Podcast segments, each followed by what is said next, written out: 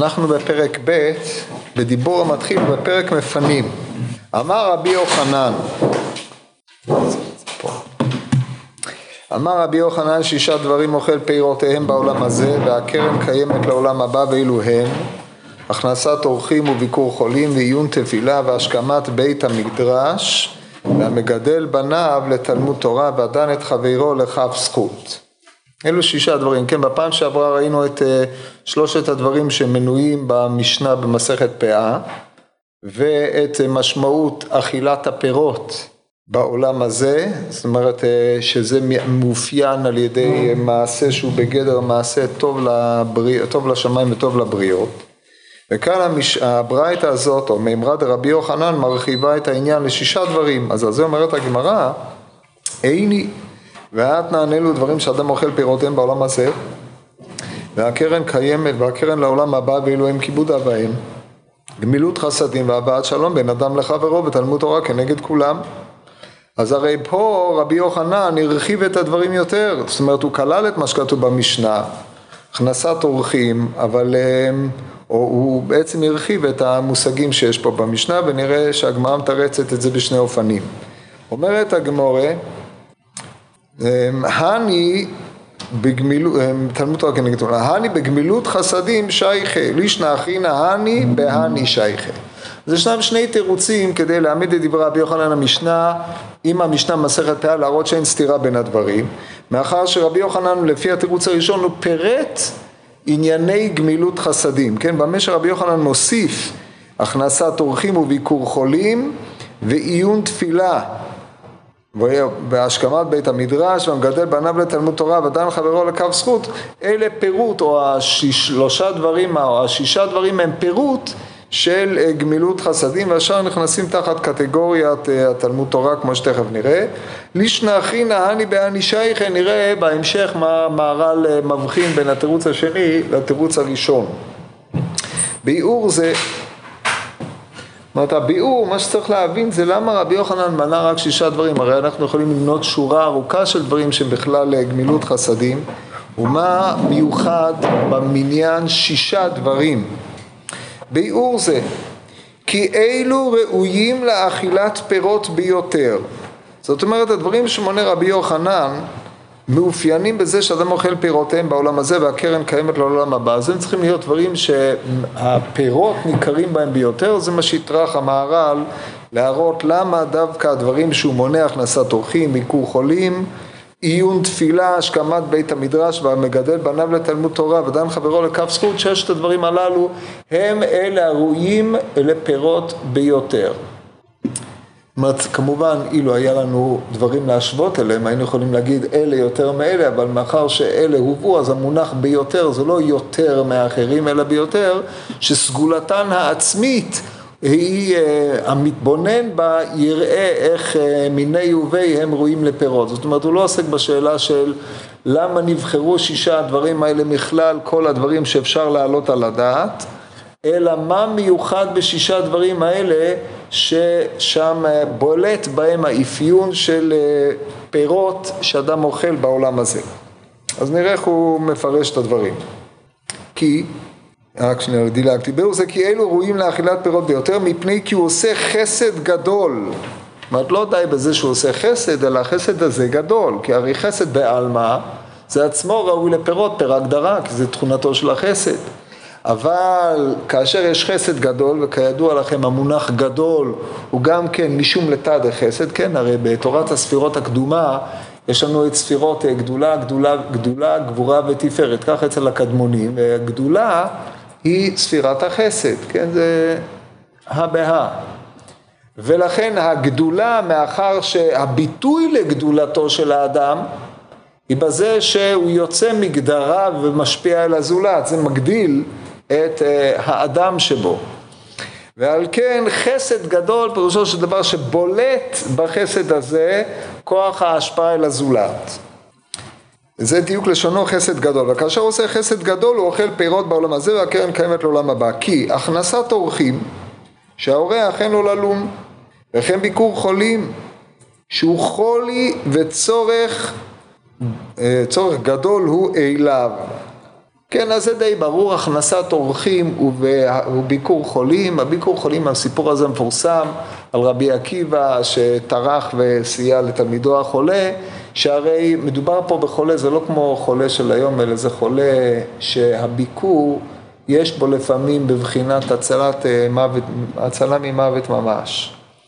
מלבד מה שמסופר בסיפור עם רבי עקיבא שם, לכן ביקור חולים, מלבד זה שהוא נוטל אחד משישים, מחוליו, אבל um, הרבה פעמים כאשר אדם הולך לבקר את החולה, הוא רואה, או בזמנם על כל פנים הוא היה רואה מה שהחולה נצרך לו, והיה מסייע לו, ובזה הוא יוצא ממעמד של שכיב שהרי אדם שהוא חולה, כל פנים בזמנם, נפל למיטתו שלושה ימים, יש לו מעמד של שכיב מרע, בכל צוות מחמת מיתה, הוא קרוב לעבור מן העולם הזה, ולכן הביקור הזה של החולים ביקור זה לא רק אה, אה, לבוא ולהראות לו פנים, אלא לבקר מלשון אה, לא יבקר לבשר החי, לא יבקר לשיער הצהוב, דהיינו לראות את, את הצדדים השונים של החולה במה שהוא יוכל לטרוח ולעזור לו. והוא הדין לגבי הכנסת אורחים, הרי בהכנסת אורחים אנחנו יודעים שכמה וכמה פעמים אנשים שנאלצו ללון ברחוב סיכנו את עצמם. עד שהיו כאלה שרצו ללון ברחוב, לא כי ברחוב נלין, וזה היה ניסיונו שלו, להביא אותם הביתה ולמסור את נפשו על הכנסת האורחים, אבל על כל פנים אורח או מי שאין לו מקום ללון, ואדם ממציא לו קורת גג, יש בזה חסד גדול. יותר מהחסדים הרגילים, כי החסד הרגיל שאדם עושה עם חברו זה כאשר הוא מיטיב לו במצבו, אבל פה האדם הוא חסר את הצורך הבסיסי שיש לו, או שחיותו נפגמת והוא חולה, או שאין לו מדור, אין לו מדור, אין לו מגורים. אדם ממציא לו מגורים, שזה הכנסת אורחים שעליה אה, מדבר פה המהר"ל, אורח אין לו ללון. לא מדובר באדם שהזמין חבר שלו אליו הביתה ומתייחס אליו כאורח וזה זה חברים, באותה מידה הוא יכול ללכת אצלו, מדובר פה באדם שאין לו, אין לו מה לאכול, אין לו איפה לדור, והדבר הזה הוא גמילות חסדים רבתי, גם אם האדם הזה שאתה מזמין הוא לא חבר שלך, אין לך עניין לדבר איתו וכיוצא בזה, אבל כשאתה רואה אדם שיש לו חסר מהותי, אתה משלים לו אותו, מרצונך הטוב, יש בזה גמילות חסדים, אנחנו להלן נראה מה היחס בין גמילות חסדים לצדקה לפי המהר"ל והדברים דקים, כמו שנראה להלן. מכל מקום, שני הדברים הללו, לפי מה שביארנו, הם חסד גדול דייקה, וכן השכמת בית המדרש. מה נאמר ומה נדבר, כן? השכמת בית המדרש, אתה מגיע לבית מדרש ריק, אין לך חסד עם בית המדרש יותר גדול מזה. שכל תורה תתחיל להיבקע בבית המדרש, אבל למה זה חסד גדול? שחרית וערבית, כן, השכמה, מה, מה זה השכמת ערבית? הכוונה ערבית זה מערבים, כן, כמו שאומרת הגמור, אמרו לרבי יוחנן, איתקה סבא בבבל. תמה ואמר למען ירבו ימיכם על האדמה, אומר כיוון ששמעו שהם משכימים ומאחרים בבית המדרש, מקדמה ומחשכי בבית המדרש, אמר אה זה טוב, למען ירבו ימיכם בגלל לימוד התורה, וכל פנים לא ידענו לכאורה מה החסד הגדול, אז תראו מה הוא אומר לכן השכמת בית המדרש ללמוד בוודאי דבר זה גדול, כן הוא גדול אבל מה החסד, מי עושה את החסדים בדיוק? וכמו תלמוד תורה הוא, לכך אוכל פירות בעולם הזה והקרן קיימת לעולם הבא. באמת זה לא בכלל לתד החסד אלא בכלל תלמוד תורה כנגד כולם. אלא שתלמוד תורה כנגד כולם, שלימוד, אדם לומד, אבל כאשר הוא משכים ללמוד אז יש אה, תוספת על הלימוד הרגיל בעצם השכמתו. השכמתו זה כאשר הוא מקדים את הלימוד הרגיל, מעין מה שאומרת הגמרא, מסכת חגיגה אינו דומה, שונה פרקו מאה פעמים לשונו פרקו מאה פעמים ואחת. כן, ההשכמה היא לא רק כדי שהוא ילמד יותר, אלא מפני שזה מראה על חביבות התורה אצל האדם עד שהוא ממעט משלו בשביל התורה. זה לא אומר שבגלל שהוא השכים הוא ידע יותר, כי אחרת זה אחד לאחד חלק מתלמוד תורה. אבל זה כמו מאה לעומת מאה ואחד. אדם ששינן מאה פעמים, הוא שינן מאה ואחד, זה לא משנה בידיעה שלו כמעט כלום. אלא זה עובד השם וזה אשר לא עבדו. כמו שמסביר האדמו"ר הזקן בלכודי המרים, הדברים ידועים מפני שהתוספת הזאת של המאה ואחד זה בשביל עצמם של דברים, מחמת חביבותם כשלעצמם. עד המאה זה בשבילו, כדי שהדבר הזה יחרט במוחו. אז לכן יש פה תוספת, והוא הדין והוא הטעם לגבי עניין ההשכמה, ולכן יש פה דבר גדול ביחס לעצם התלמוד תורה. וכן עיון תפילה, עיון תפילה, מה זה? אומר המהר"ל כי התפילה מביאה טוב לעולם. הוא לא, יש הרי בעיון תפילה יש שם שני צדדים בעיון תפילה, יש אדם שמייחל לקיומה של התפילה, כן, ועל זה אומרת הגמרא זה תוחלת ממושכה מחלה לב, ועיון תפילה פירושה בהקשר הזה זה שאדם יודע את מילותיה ומכוון בה את הכוונה הראויה לתפילה. אדם שתפילתו היא מעוינת, דהיינו באה מתוך התבוננות, מתוך הכרת הצרכים של הכלל, כי רוב תפילתו של האדם כידוע היא תפילה על הכלל, הוא כולל את עצמו בכלל בתפילותיו, ואלמלא שהוא היה מתפלל על הכלל, מי, מי, מי הוא שישמע לו? מי אתה בכלל שתבוא אל המלך? רק מפני שאתה מתפלל על הכלל, אתה רשאי לכלול את בקשותיך באותה תפילת כלל. אז אם כן, עיון תפילה זה אדם שמבין את צורכי הכלל ומבין את מעלת התפילה ומבין מדוע התפילה מועילה לכלל, הדבר הזה הוא דבר גדול. שהרי תפילה היא חיי שעה. חיי שעה זה גמילות חסדים בעולם הזה לכלל, ולכן אומר המהר"ל, תפילה מביאה טוב לעולם, דהיינו העולם הזה. וכל אשר ידו נעשה טוב בעולם הזה, אוכל פירות בעולם הזה. אז לכן על ידי זה המהר"ל גם אה, את התפילה מביא, אה, כולל בהיותו חסד גדול, או מה גדלות החסד פה, מפני שפה החסד הוא אל הכלל. כי התפילה היא על הכלל, אין, הוא לא לפלוני ולא לאלמוני, אלא כולם זקוקים לאותה תועלתה של התפילה. שהרי לפי המהר"ל כולם חסרים וזקוקים אל ההשלמה, כמו שמתבהר בנתיב, בנתיב העבודה, ולכן החסד הוא גדול מפני שהוא חל על היקף רב של אנשים בתפילתו של אותו יחיד, והוא שזה יהיה דווקא בדרך עיון התפילה. וכן המגדל בניו לתלמוד תורה. כל דבר שהוא שייך אל התורה יש לו פירות, וכן כאשר מגדל בניו לתלמוד תורה גם כן אוכל פירות בעולם הזה, כי הרי הבנים הם פירותיו של האדם. אם כן, כאשר הוא מגדל אותם לתלמוד תורה, אז uh, תלמוד תורה דידי, שזה על ידי ההוראה שהוא מלמד אותם, גם זה uh, מביא את הפירות בעולם הזה. וכן השכמת בית המדרש, אף על פי שאין זה תורה בעצמה. מכל מקום עושה מצווה שאפשר שתבוא תורה לעולם, ולכך אוכל פירות בעולם הזה. וכן נתן את חברו לכף זכות, אה, שלא יהיה חברו רשע. זה בוודאי טוב לחברו, שהוא עמו בעולם הזה, יש לו לאכול הפירות בעולם הזה. כן, פה הדבר הזה לכאורה נראה דבר מועט, זה שהוא דן את חברו לכף זכות, אבל במה הדברים אמורים? במי הדברים אמורים שאדם דן לכף זכות? אם במישהו שהוא ממילא זכאי, אז לא צריך להגיד שצריך לדון אותו לכף זכות. אם אתה לא דן אותו לכף זכות, אתה מעוות את הישרה.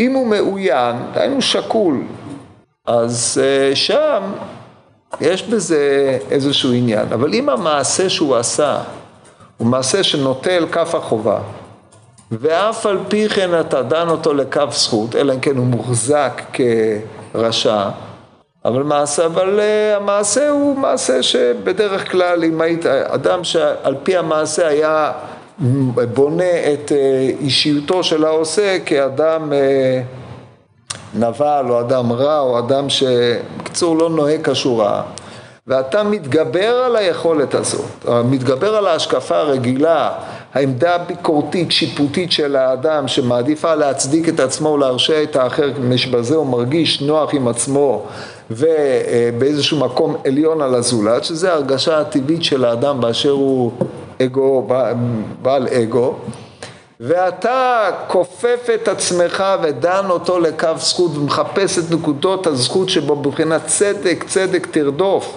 ועל זה דרשו הווה דן כל אדם לקו זכות, או בצדק תשפוט עמיתך, שזה חובה. כמו שהרמב"ם מביא בספר המצוות האלה, בצדק תשפוט עמיתך, הדבר הזה הוא עצמו הבאת טוב. שברגע שאתה רואה את הטוב שבאחר על אף מה שהוא עושה, הדבר הזה מביא טוב, מביא גם את הטוב, שהוא יתייחס אליך בטוב, זה מרבה טוב. והדבר הזה הוא לא דבר, קש, הוא לא דבר קל בכלל, אדם צריך הרבה הרגל בשביל לדון את עצמו לכף זכות. הרי דיינו כדי שנראה כמה מאמץ אדם צריך כדי לא לדבר על חברו לשון הרע, שזה הפך מלדון את, עצמו, את חברו לכף זכות. והדיון לכף זכות הוא פועל יוצא ממי שאדם נקי מלשון הרע. שזה כבר מעלה, וזה מעלה יתרה בהקשר הזה. טוב, אז יש לנו אם כן שישה דברים, אמ, וזה בוודאי טוב לחברו שעמו בעולם הזה ושלו לאכול הפירות בעולם הזה. והנה הם שישה דברים. עכשיו פה מגיע משפט סתום למדי. הם שישה דברים כי ראוי לדברים שעושים פירות שיהיו שישה דווקא. למה? כי הוו עץ פרי עושה פרי, ולכך הוו הוא כפול, דהיינו וו וו. כשאתה כותב את הוו, אתה כותב וו וו, כן, בשמות הקודש, כשכותבים שם הוויה, יש לוו שני מילואים, שלושה יש. יש וו א' וו, זה מילוי אלפין, יש וו י' וו, מילוי יודין, ויש וו וו, שזה השם, מה שקרוי אה, מילוי אה, בשם בן, כן? ו' ו', זה המינימום. אף על פי כן הוא כפול. אומר המהר"ל, הוא סוד עץ פרי עושה פרי. מה, על מה הוא מדבר? אבל נניח לזה ונתקדם קצת, אחרי זה נחזור להסביר את זה, בעזרת השם.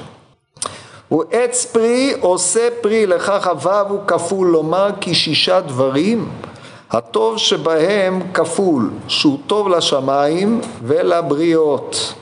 ולכך ספרם, שכרם כפול בעולם הזה ובעולם הבא. עד כאן ביאור מה שהוא ראה במונח ו', שישה דברים, עץ פרי עושה פרי, ועכשיו נשתדל להסביר את הדברים. הו' היא אה, כמו עץ, עץ פרי. עץ פרי עושה פרי. מה, מסוג, מה העניין היה, כתוב, כתוב, הקדוש ברוך הוא אומר, תוצא הארץ, דשא עשב מזריע זר למיניהו, ועץ פרי עושה פרי למיניהו. והיא לא עשתה כן, אלא ותוצא הארץ דשא, עשב מזריע זרע למיניהו, ועץ עושה פרי למיניהו. אבל באידאה היא הייתה צריכה להיות עץ פרי עושה פרי, שטעם העץ כטעם הפרי והוא מפיק פירות. אבל אם העץ הוא עץ פרי, בשביל מה הוא צריך פירות? הרי הוא עצמו פרי. אלא שקשה מאוד להבין איך עץ הוא גם עץ וגם פרי. ועושה פרי. אם זה לכאורה על פניו אה, בעל זרות. טוב, אז עכשיו נעבור לנמשל. הנמשל הוא טוב לשמיים וטוב לבריות. עכשיו אנחנו צריכים לדעת שהוו והה' בשמות הוויה ברוך הוא, שם י"ק ו"ק. ו' וה', ו' היא השמיים, וה' היא הארץ. מה שקרוי תפארת ומלכות, תמיד. ו' גם יכול להיות יסוד ומלכות, זה לא משנה, הרעיון הוא שהו' הוא המשפיע והה' הוא המקבל. המעשה שאדם עושה בגמילות חסדים, כבר אמרנו שיש לה שני פנים. היא ביסודה מעשה השפעה, באשר היא טוב, והטוב הוא בהגדרה השפעה, בחינת דוכרא, בחינת זכר שמשפיע, ויש מקבל שמקבל. ההשפעה הזאת יוצרת שני סוגי פירות.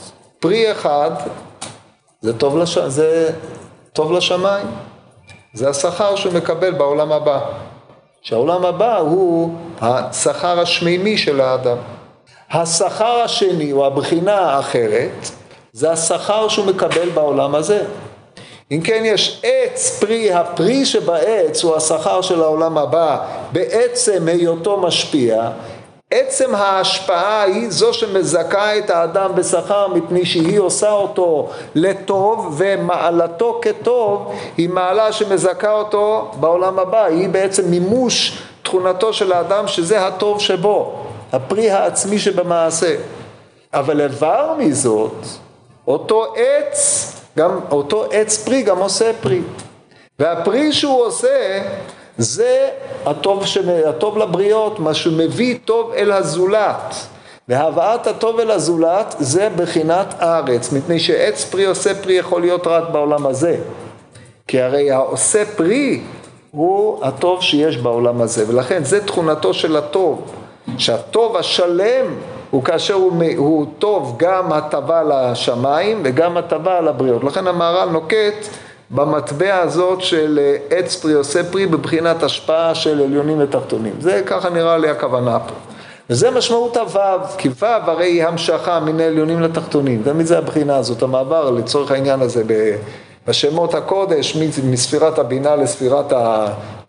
למלכות ודרך התפארת, שהיא הוו או הוו קצוות, שש, שישה הצדדים. ו' תמיד זה ו' קצוות, אם תדעו לכם, זה תפארת שכוללת את הו' קצוות, התמצית שבה היא היסוד שהוא משפיע על המלכות. אלה מונחים קבליים, מונחים בסיסיים שאני מניח שאתם אמורים להכיר אותם. אתם לומדים את הספירות הבסיסית בלי להיכנס לכל העניינים הללו, וזה תמיד ו', והו' היא תמיד כפולה, מפני שיש לה את הדו-פרצופים, את המלכות שהיא משפיעה אליה. שהיא גם כן מקרינה או, או מגלמת את הוו המשפיעה, או המקבל, הוא, הוא תשקיף של המשפיע בבחינת חותם ונחתם, כמו שכתוב ב... טוב, זהו. אז זה מה שהוא אומר פה לגבי uh, השישה על השישה הללו, לכן דווקא בחרו שישה דברים. מי שהמהר"ל לפי שיטתו בתורת המספרים, המספר הוא לא זו בלבד, הוא לא עניין אקראי, אלא הוא מאפיין את המהות. והמהות היא מהות ההשפעה שמתאפיינת במילה ו' שהיא המשכה מן עליונים לתחתונים. טוב, אז בזה יצאנו ידי חובת ההסבר הזה, נקרא את זה עוד פעם בפנים שהדברים יהיו ברורים. הנה הם שישה דברים כי ראוי לדברים שעושים פירות שיהיו שישה דווקא. כי הוו עץ פרי עושה פרי, זאת אומרת עשיית הפירות בוו היא בעלת אופי כפול, לכן הוא נוקט עץ פרי עושה פרי. מה האופי הכפול? הוא מסביר. אמ, לומר כי שישה דברים הטוב שבהם כפול כי הוא טוב לשמיים ולבריות, זה עץ פרי, טוב לשמיים, עושה פרי, טוב לבריות. ומזה למדתי כמובן שדובר פה על השפעת שמיים הארץ, וטוב, זה כבר אה, קלאסיקה, לדעת שהעליונים והתחתונים זה ו', ה', וככה צריך לבאר את הדברים, בזה הוא רומז. הוא מתרץ, טוב אז עד כאן טיפלנו בחלק הראשון, עכשיו חוזרת שאלת הגמרא, הרי כתוב אילו דברים שאדם אוכל פירותיהם והקרן קיימת לעולם הבא, והמשנה מונה שלושה דברים, ואילו רבי יוחנן מנה שישה, מתרץ את הגמור שני תירוצים, התירוץ הראשון, אני בגמילות חסדים שייכת, כלומר, שאילו השישה כולם בכלל גמילות חסדים, עכשיו כמו שראינו קודם, הוא עצמו אמר שהם לא, כשקמת בית המדרש שחרית וערבית, מה עניינו אצל גמילות חסדים? הרי גם אם, אה, זאת אומרת, חוץ מזה שהוא עושה חסדים ליושבי בית המדרש באשר הוא נמצא שם כשהם באים להתפלל, או כשהם לא משכימים ובאים ומוצאים אותו, שטוב, זה חסד כלשהו, אבל uh, הוא עצמו איש שזה דבר גדול, אבל חסד גדול הוא לא. אז על זה אומר המהר"ל, um, אבל כלומר שאלו שישה בגלל גמילות חסדים. לפי זה יהיה פירוש שישה דברים שהם גמילות חסדים אוכל פירותיהם בעולם הזה. אבל הבאת שלום וכיבוד אב ואם אינם גמילות חסד. כן, כי הרי אנחנו אומרים במשנה פה, אלו דברים שאדם אוכל פירותיהם בעולם הזה והקרן קיימת לעולם הבא, כיבוד אב ואם, גמילות חסדים, הבאת שלום בין אדם לחברו. עכשיו כשרבי יוחנן אומר שישה דברים אדם אוכל פירותיהם בעולם הזה והקרן קיימת לעולם הבא והגמרא שואלת עליו איני והרי יש שלושה אחרים תרץ את הגמרא כל השישה שאומר רבי יוחנן זה פירוט של גמילות חסדים אבל הבאת שלום בין אדם לחברו וכיבוד אב ואם הם לא בכלל גמילות חסדים המתפרטת בדברי רבי יוחנן ככה מפרש המהר"ל הוא מסביר, בלי יותר מזה, זה, מה שהוא מסביר. לפי זה פירוש שישה דברים, גמילות חסדים ואוכל פרותיהם בעולם הזה, הבעת שלום וכיבוד אביים אינם גמילות חסדים. הסברנו בפעם שעברה את החילוק בין גמילות חסדים, הבעת שלום וכיבוד אביים, אחד מכוח המוכרח, אחד מכוח החסר המתמלא, באשר היעדר השלום זה פירוד, ופירוד זה חסר, חיסרון, ואתה צריך למלא את החיסרון, אבל אין פה השפעת הטוב, מה שאין כן גמילות חסדים היא השפעת הטוב, ולפי ההשקפה הזאת, כל ששת הדברים הללו אמורים להיכנס לקריטריון שהמהר"ל נקט בפעם הקודמת לגמרי, שעושה טוב על צד החסד ולפנים משורת הדין לגמרי. אז בואו נבדוק את הדברים אחד לאחד. הכנסת אורחים, וואו, טוב, זה, אדם אה, יש לו חסר בזה, אין לו מקום ללון, אבל זה לא דומה למריבה או דברים מעין אלה, ואם כן האדם מצידו, הוא משפיע לו בית ומקום מגורים שזה חסד גמור. הדבר הבא זה ביקור חולים כנ"ל, עיון תפילה, טוב זה די מוסבר, השכמת בית המדרש, גם כן יש פה הליכה לפנים משורת הדין לגמרי, שזה גם כן בחינה של חסד, בחינת מה שאנחנו אומרים שיש אדם הולך לפנים משורת הדין, זה נוקט את צד החסד, כי יש פה חסד על כל פנים כלפי התורה וכלפי השפעת התורה, והוא הדין לגבי אה, מגדל בניו לתלמוד תורה, טוב זה גם כן לא כזה ברור, אבל ואדם חברו לכף זכות גם. בהקשר הזה אנחנו יכולים לומר שהשישה דברים ברובם על כל פנים הם נוטים אל החסד במובן של לא זה שאדם מחויב על הדברים האלה. והדבר האחרון, התירוץ השני בגמורה, לישנא אחרינא הני שייכי בהני. זאת אומרת, ששת הדברים הללו שייכים בהני, עם קולכם, ולפי זה הם שייכים בשלושת הדברים, או במה שמנוי במשנה, משנה מונה ארבעה דברים. גמילות חסדים, כיבוד אב ואם והבאת שלום בין אדם לחברו, ותלמוד תורה כנגד כולם. אז לפי זה אומר המהר"ל, אני שייכי בהני, כלומר כי אילו שזכה רבי יוחנן שייכי בהני דמתניתין גדן חברו לקו זכות, זה הבאת שלום גם כן. וכן שאר דברים שזכה רבי יוחנן שייכי באילו שלושה דמתניתין, רק שאילו יותר ראויים לאכילת פירות בעולם הזה, ולכן נקט אילו שישה. זה לא כך ברור לפי זה במה פליגי שני התירוצים, כי הרי לפי מה שהוא נקט בתירוץ הראשון, כל השישה שייכים דווקא בגמילות חסדים. לפי התירוץ השני, לא. הבאת שלום בין אדם לחברו, והבאת דן כל האדם לכף זכות, שייכי בהדדי. הוא הדין לגבי אה, מגדל בניו לתלמוד תורה, או אמ, אמ, השכמת בית המדרש, שחרית וערבית, אלה שייכים לתלמוד תורה. והשאר שייכים לגמילות חסדים. אז מה, אם זה ככה, מה ראית למנות את אלו? אומר לא, אבל אלו מיוחדים שיש בהם הבאת פירות ביותר. זאת אומרת, גם ביחס למה שמנוי במשנה, אה, במסכת פאה, אלו דברים אדם אוכל פירות הם בעולם הזה והקרן קיימת לו לעולם הבא, פה הם בחינת דבר גדול שבמובחן ובמודגש יש בהם אכילת פירות ביותר כטענתו של המהר"ל. על כל פנים, במה נחלקו שני התירוצים? לפי זה המהר"ל לא טרח להסביר, אנחנו צריכים לחשוב על זה לבד, וצריך לומר שישנם שני, לפי מה שהסברתי קודם, ישנם שני היבטים של המושג חסד. כמו שאמרנו, חסד יכול להתפרש כדבר שהוא חורג משורת החיוב, לפני משורת הדין, זה לפי זה התירוץ הראשון. והתירוץ השני נוקט שחסד הוא חסד כמשמעו, וממילא הבאת שלום בין אדם לחברו ודן כל אדם לכף זכות, שהוא משום לתא דמשפט וצדק ולא משום גמילות חסדים, והוא הדין לגבי אה, ענייני התלמוד תורה למיניהם, הם לא שייכים למושג המצומצם של חסד, שזאת ההטבה של האחד אל האחר, ולכן יש לחוללם ודברים אחרים. כן, זה האופן שבו צריך ללמוד את זה. כללו של דבר ישנה, המושג חסד בכללותו הוא חריגה משורת הדין. וחסד, אם נשתמש במונחים הפילוסופיים בספר במילות היגיון, זה שם הנאמר בכלל ובפרט. כללו היא חריגה ופרטו היא ההטבה שהאחד מיטיב אל האחר. בשני אלה חלוקים שני התירוצים ובזה יצאנו ידי חובת הפסקה הזאת. פרק הבא, או העניין הבא, לא הפרק. בפרק לולב וערבה, תנו רבונו, בגימל דברים גדולה גמילות חסדים מן הצדקה, שהצדקה בממונו אמ, וגמילות חסדים בין בממונו בין בגופו. צדקה לעניים, גמילות חסדים בין לעניים בין לעשירים. צדקה לחיים, בין למי שחי, וגמילות חסדים בין לחיים בין למתים. עכשיו, כל הלומד את הדבר הזה מראש צריך לשאול את עצמו, וכי צדקה אינה גמילות חסדים? הרי בוודאי אנחנו לא מעמידים אותם כשני אברי המתרס, דהיינו הגומל חסדים לא נותן צדקה והנותן צדקה לא גומל חסדים. בוודאי ובוודאי בעצם מתן הצדקה יש גמילות חסדים. גמילות חסדים מופלגת ביותר. אז אם באנו לומר שגמילות חסדים יהיה, המושג גמילות חסדים כולל עוד פעולות מלבד הצדקה, מה יקרה משמע? במה היא גדולה? שגמילות חסדים בין בגופו בין בממונו, אבל הרי הגמילות חסדים בממונו, הדרה וצדקה. שאלה ברורה? כן.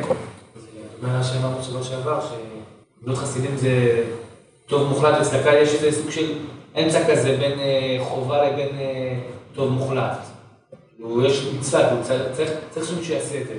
גמילות חסידים זה טוב אה, על מלא, כאילו אין חיוב. מה שאתה אומר זה נכון, אבל מהגמרא, מה שאתה אומר זה נכון, עד נכון מאוד, אבל מהגמרא לא משמע שזאת נקודת ההבחנה ביניהם. זאת אומרת, יכול להיות שגם זאת נקודת ההבחנה, אבל הגמרא אומרת שגמילות חסדים כמושג הוא אה, איכותית, גם אם אתה לא, אם לא היית מצווה ועושה. הגומל חסדים מעלתו גדולה מאשר נותן הצדקה, מפני שבגמילות חסדים יש שלושה דברים שאין בצדקה. גמילות חסדים בין ממונו, בין גופו, בין לחיים, בין למתים, בין לעניים, בין לעשירים. זאת אומרת ההיקף של הרחב יותר. מה שאין כן הצדקה. ואז השאלה העולה היא, טוב, אבל אחרי ככלות הכל צדקה היא מין ממיני גמילות חסדים. הגה עצמך שאדם יגמול חסדים למישהו אחר בזה שילמד אותו. הוא לא יכול לגמול את אותם חסדים ממי שגדול ממנו בחוכמה ובדעת. את זה הוא לא יכול לגמול איתו חסדים, אבל אם הוא חלוש ממנו בגוף, הוא יכול לעזור לו, לסייע לו וכן הלאה, זה הדרך. כל אחד לפי מה שהוא הצדקה, זה מקרה פרטי של גמילות חסדים. אז מה הטעם לבוא ולהגיד שזה גדול מזה? זה הקושי הפנימי שיש במימרה הזאת, שכמדומה שאיתה הולך המהר"ל להתמודד. שימו לב איך הוא מסביר את זה. ועל פניו מה שהוא אומר צריך ביאור. ביאור דבר זה ההפרש שיש בין גמילות חסדים ובין צדקה, כי גמילות חסדים הוא מצד הנותן, שהוא עושה טוב בין שמבקש המקבל ובין שאין מבקש. אבל הצדקה ההפך זה, כי מפני שהמקבל צריך לכך נותן לו מפני דוחקו. ודבר זה מצד המקבל ואף שאינו מבקש, הרי כאילו מבקש, שידוע דוחקו וצריך לקבל. הדברים על פניו אינם מחוברים. מדוע? נחזור לחולה. האם זה שאתה מבקר את החולה, אתה עושה איתו צדקה או גומל איתו חסדים? אז לפי הקריטריון שהוצב פה, הוא אף על פי שאינו מבקש, הרי הוא כמבקש, כי חוליו מעיד עליו שהוא חסר. כיוצא בזה באדם שאין לו מקום ללון ואתה נותן לו קורת גג ומארח אותו בביתך האם אתה עושה איתו גמילות חסדים או גומל צדקות? מצד אחד ממון אתה לא נותן לו, אבל מאידך גיסא הוא חסר את אותה קורת גג שאתה נותן לו. אז איך נדיין נדיין להכדינה? לפי הקריטריונים האלה, אנחנו צריכים להרחיב את היקף הצדקה ולהעמיד אותה על כל אימת שחסרונו מעיד עליו, הוא כביכול תובע אותך בוא תשלימני, אז זאת צדקה, כי אתה עושה מצד המקבל. אבל הרי עצם העובדה שחסרונו קורה לך זה רק מפני העין הטובה שיש לך שאתה רואה את חסרונו. אז עד הרבה גמילות חסדים, לכן עדיין הדברים נשארים לכאורה זוקקים באור. יש מישהו שלא הבין מה שאמרתי? אין, אין, אין, לא כזה קשה להבין. אז מה הוא אומר? זו הבעיה הגדולה בקטע הזה. ולפיכך בשלושה דברים, נתקדם עוד קצת, לפיכך בשלושה דברים גדולה גמילות חסדים. כי גמילות חסדים עכשיו, לפי האופן שבו יפרש את הדברים, אנחנו יכולים לעמוד על משמעות הדבר. כי גמילות חסדים אפשר אף בגופו. והנה הוא איש טוב. גמילות חסדים בגופו פירושו של דבר שהוא מגלה את הטוב שבו. הנה הוא איש טוב, זה גמילות חסדים שבגופו. אין הפירוש שהוא מסייע לו בגופו. אלא גמילות חסדים בגופו פירושו של דבר שהגומל חסדים מגלה את הטוב שבאישיותו. חידוש גדול מאוד, זה מאוד משמעותי, כמו שתכף נראה. אבל הצדקה, הוא מקבל מאחר מה שצריך. ולא שייך שמקבל גופו, זאת אומרת המקבל, מקבל את מה שחסר לו. מה שחסר לו זה בוודאי לא גופו של נותן, אלא קנייניו של הנותן או פעולתו של הנותן, אבל על כל פנים הקבלת תוכן, מה שהוא קיבל, זה משלים אותו ומשאיר את הנותן כעומד לעומתו. ולכן הצדקה דווקא בממונו.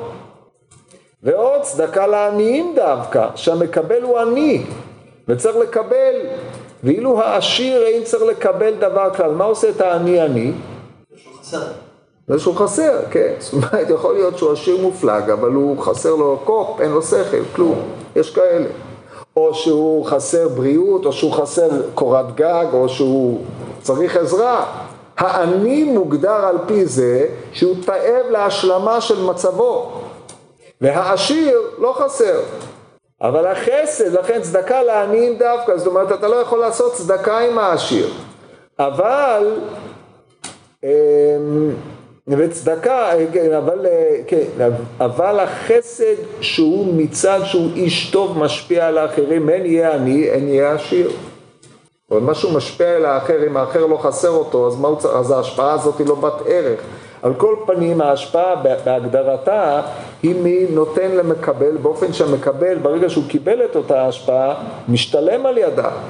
אם כן, אותה רמת השתלמות היא מה שהיה חסר לו קודם, והדר דינה להיות צדקה וצריך עיון.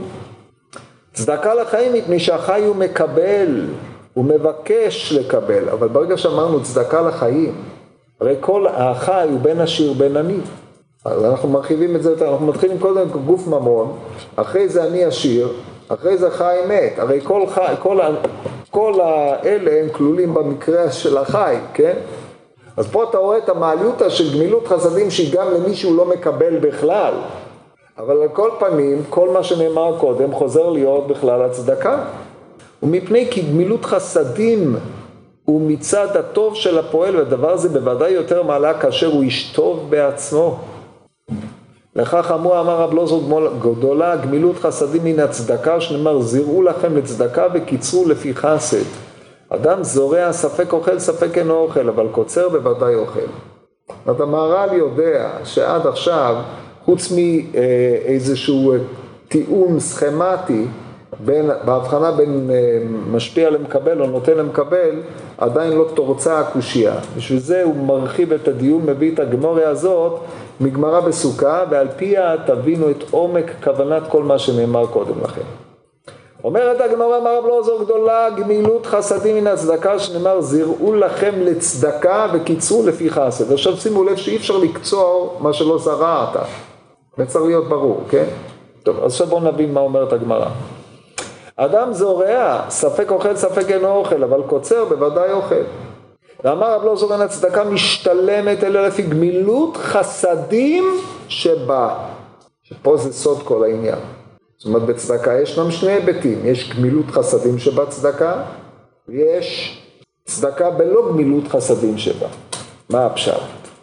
אומר המהר"ל, רצה לומר כי גמילות חסדים שהוא מצד הטוב של משפיע והצדקה היא מצד המקבל, וכך הצדקה אינה רק ספק בלבד. כי אם לא היה מקבל ראוי, אין כאן צדקה. אבל גמילות חסדים שעושה מצד עצמו, שהוא איש טוב, משפיע לאחר דירת גמילות חסדים, ודאי יש שכר על זה. וסוף סוף העושה הוא איש טוב וראוי לקבל שכר אף אם מקבל אינו ראוי. זה נקרא צדקה זריעה, שהוא ספק אוכל, ספק אינו אוכל. ואילו גמילות חסדים, קרה קצירה, שהקצירה היא ודאית. מה היא? אבל אי אפשר לקצור בלי לזרוע. איפה הזריעה בגמילות החסדים? וזה שאמר גם כן שאין הצדקה משתלמת אלא לפי גמילות חסדים שבה כלומר כפי מידת טובו של נותן כאשר נותן הצדקה בעין יפה שזה נקרא איש טוב ודבר זה נקרא גמילות חסדים. לפי זה נחשב הצדקה לפי גמילות חסדים שבה אבל אם הנתינה בעצמה בצרות עין אין זה גמילות חסדים. כי גמילות חסדים היא צד הטוב שבאדם ולפי מה שאינו טובה בצדקה יש על זה קיבול שכר וזה פירוש אין הצדקה משתלמת אלא לפי גמילות חסדים שבה, וכך אמר זירו לכם את צדקה וקיצרו לפי חסד, כלומר הקצירה שהיא התשלומים לפי החסד שבצדקה כפי מה שהוא אשתו, ואבן הדברים האלו. באמת הם זוקקי הבנה, כי אמנם בסוף, כשאתם רואים שבגמילות, בצדקה עצמה יש גמילות חסדים ויש צדקה שהיא לא בגמילות חסדים, זה פתח להבין את הדברים האלה, אבל עדיין סתומים. אז תעיינו בפסקה הזאת, תחשבו עליה, ובעזרת השם שבוע הבא נסביר לכם את אה, המשמעות של הדברים ותקראו, תתחילו לקרוא פרק ג', פסקה ראשונה, מאלפת ממש.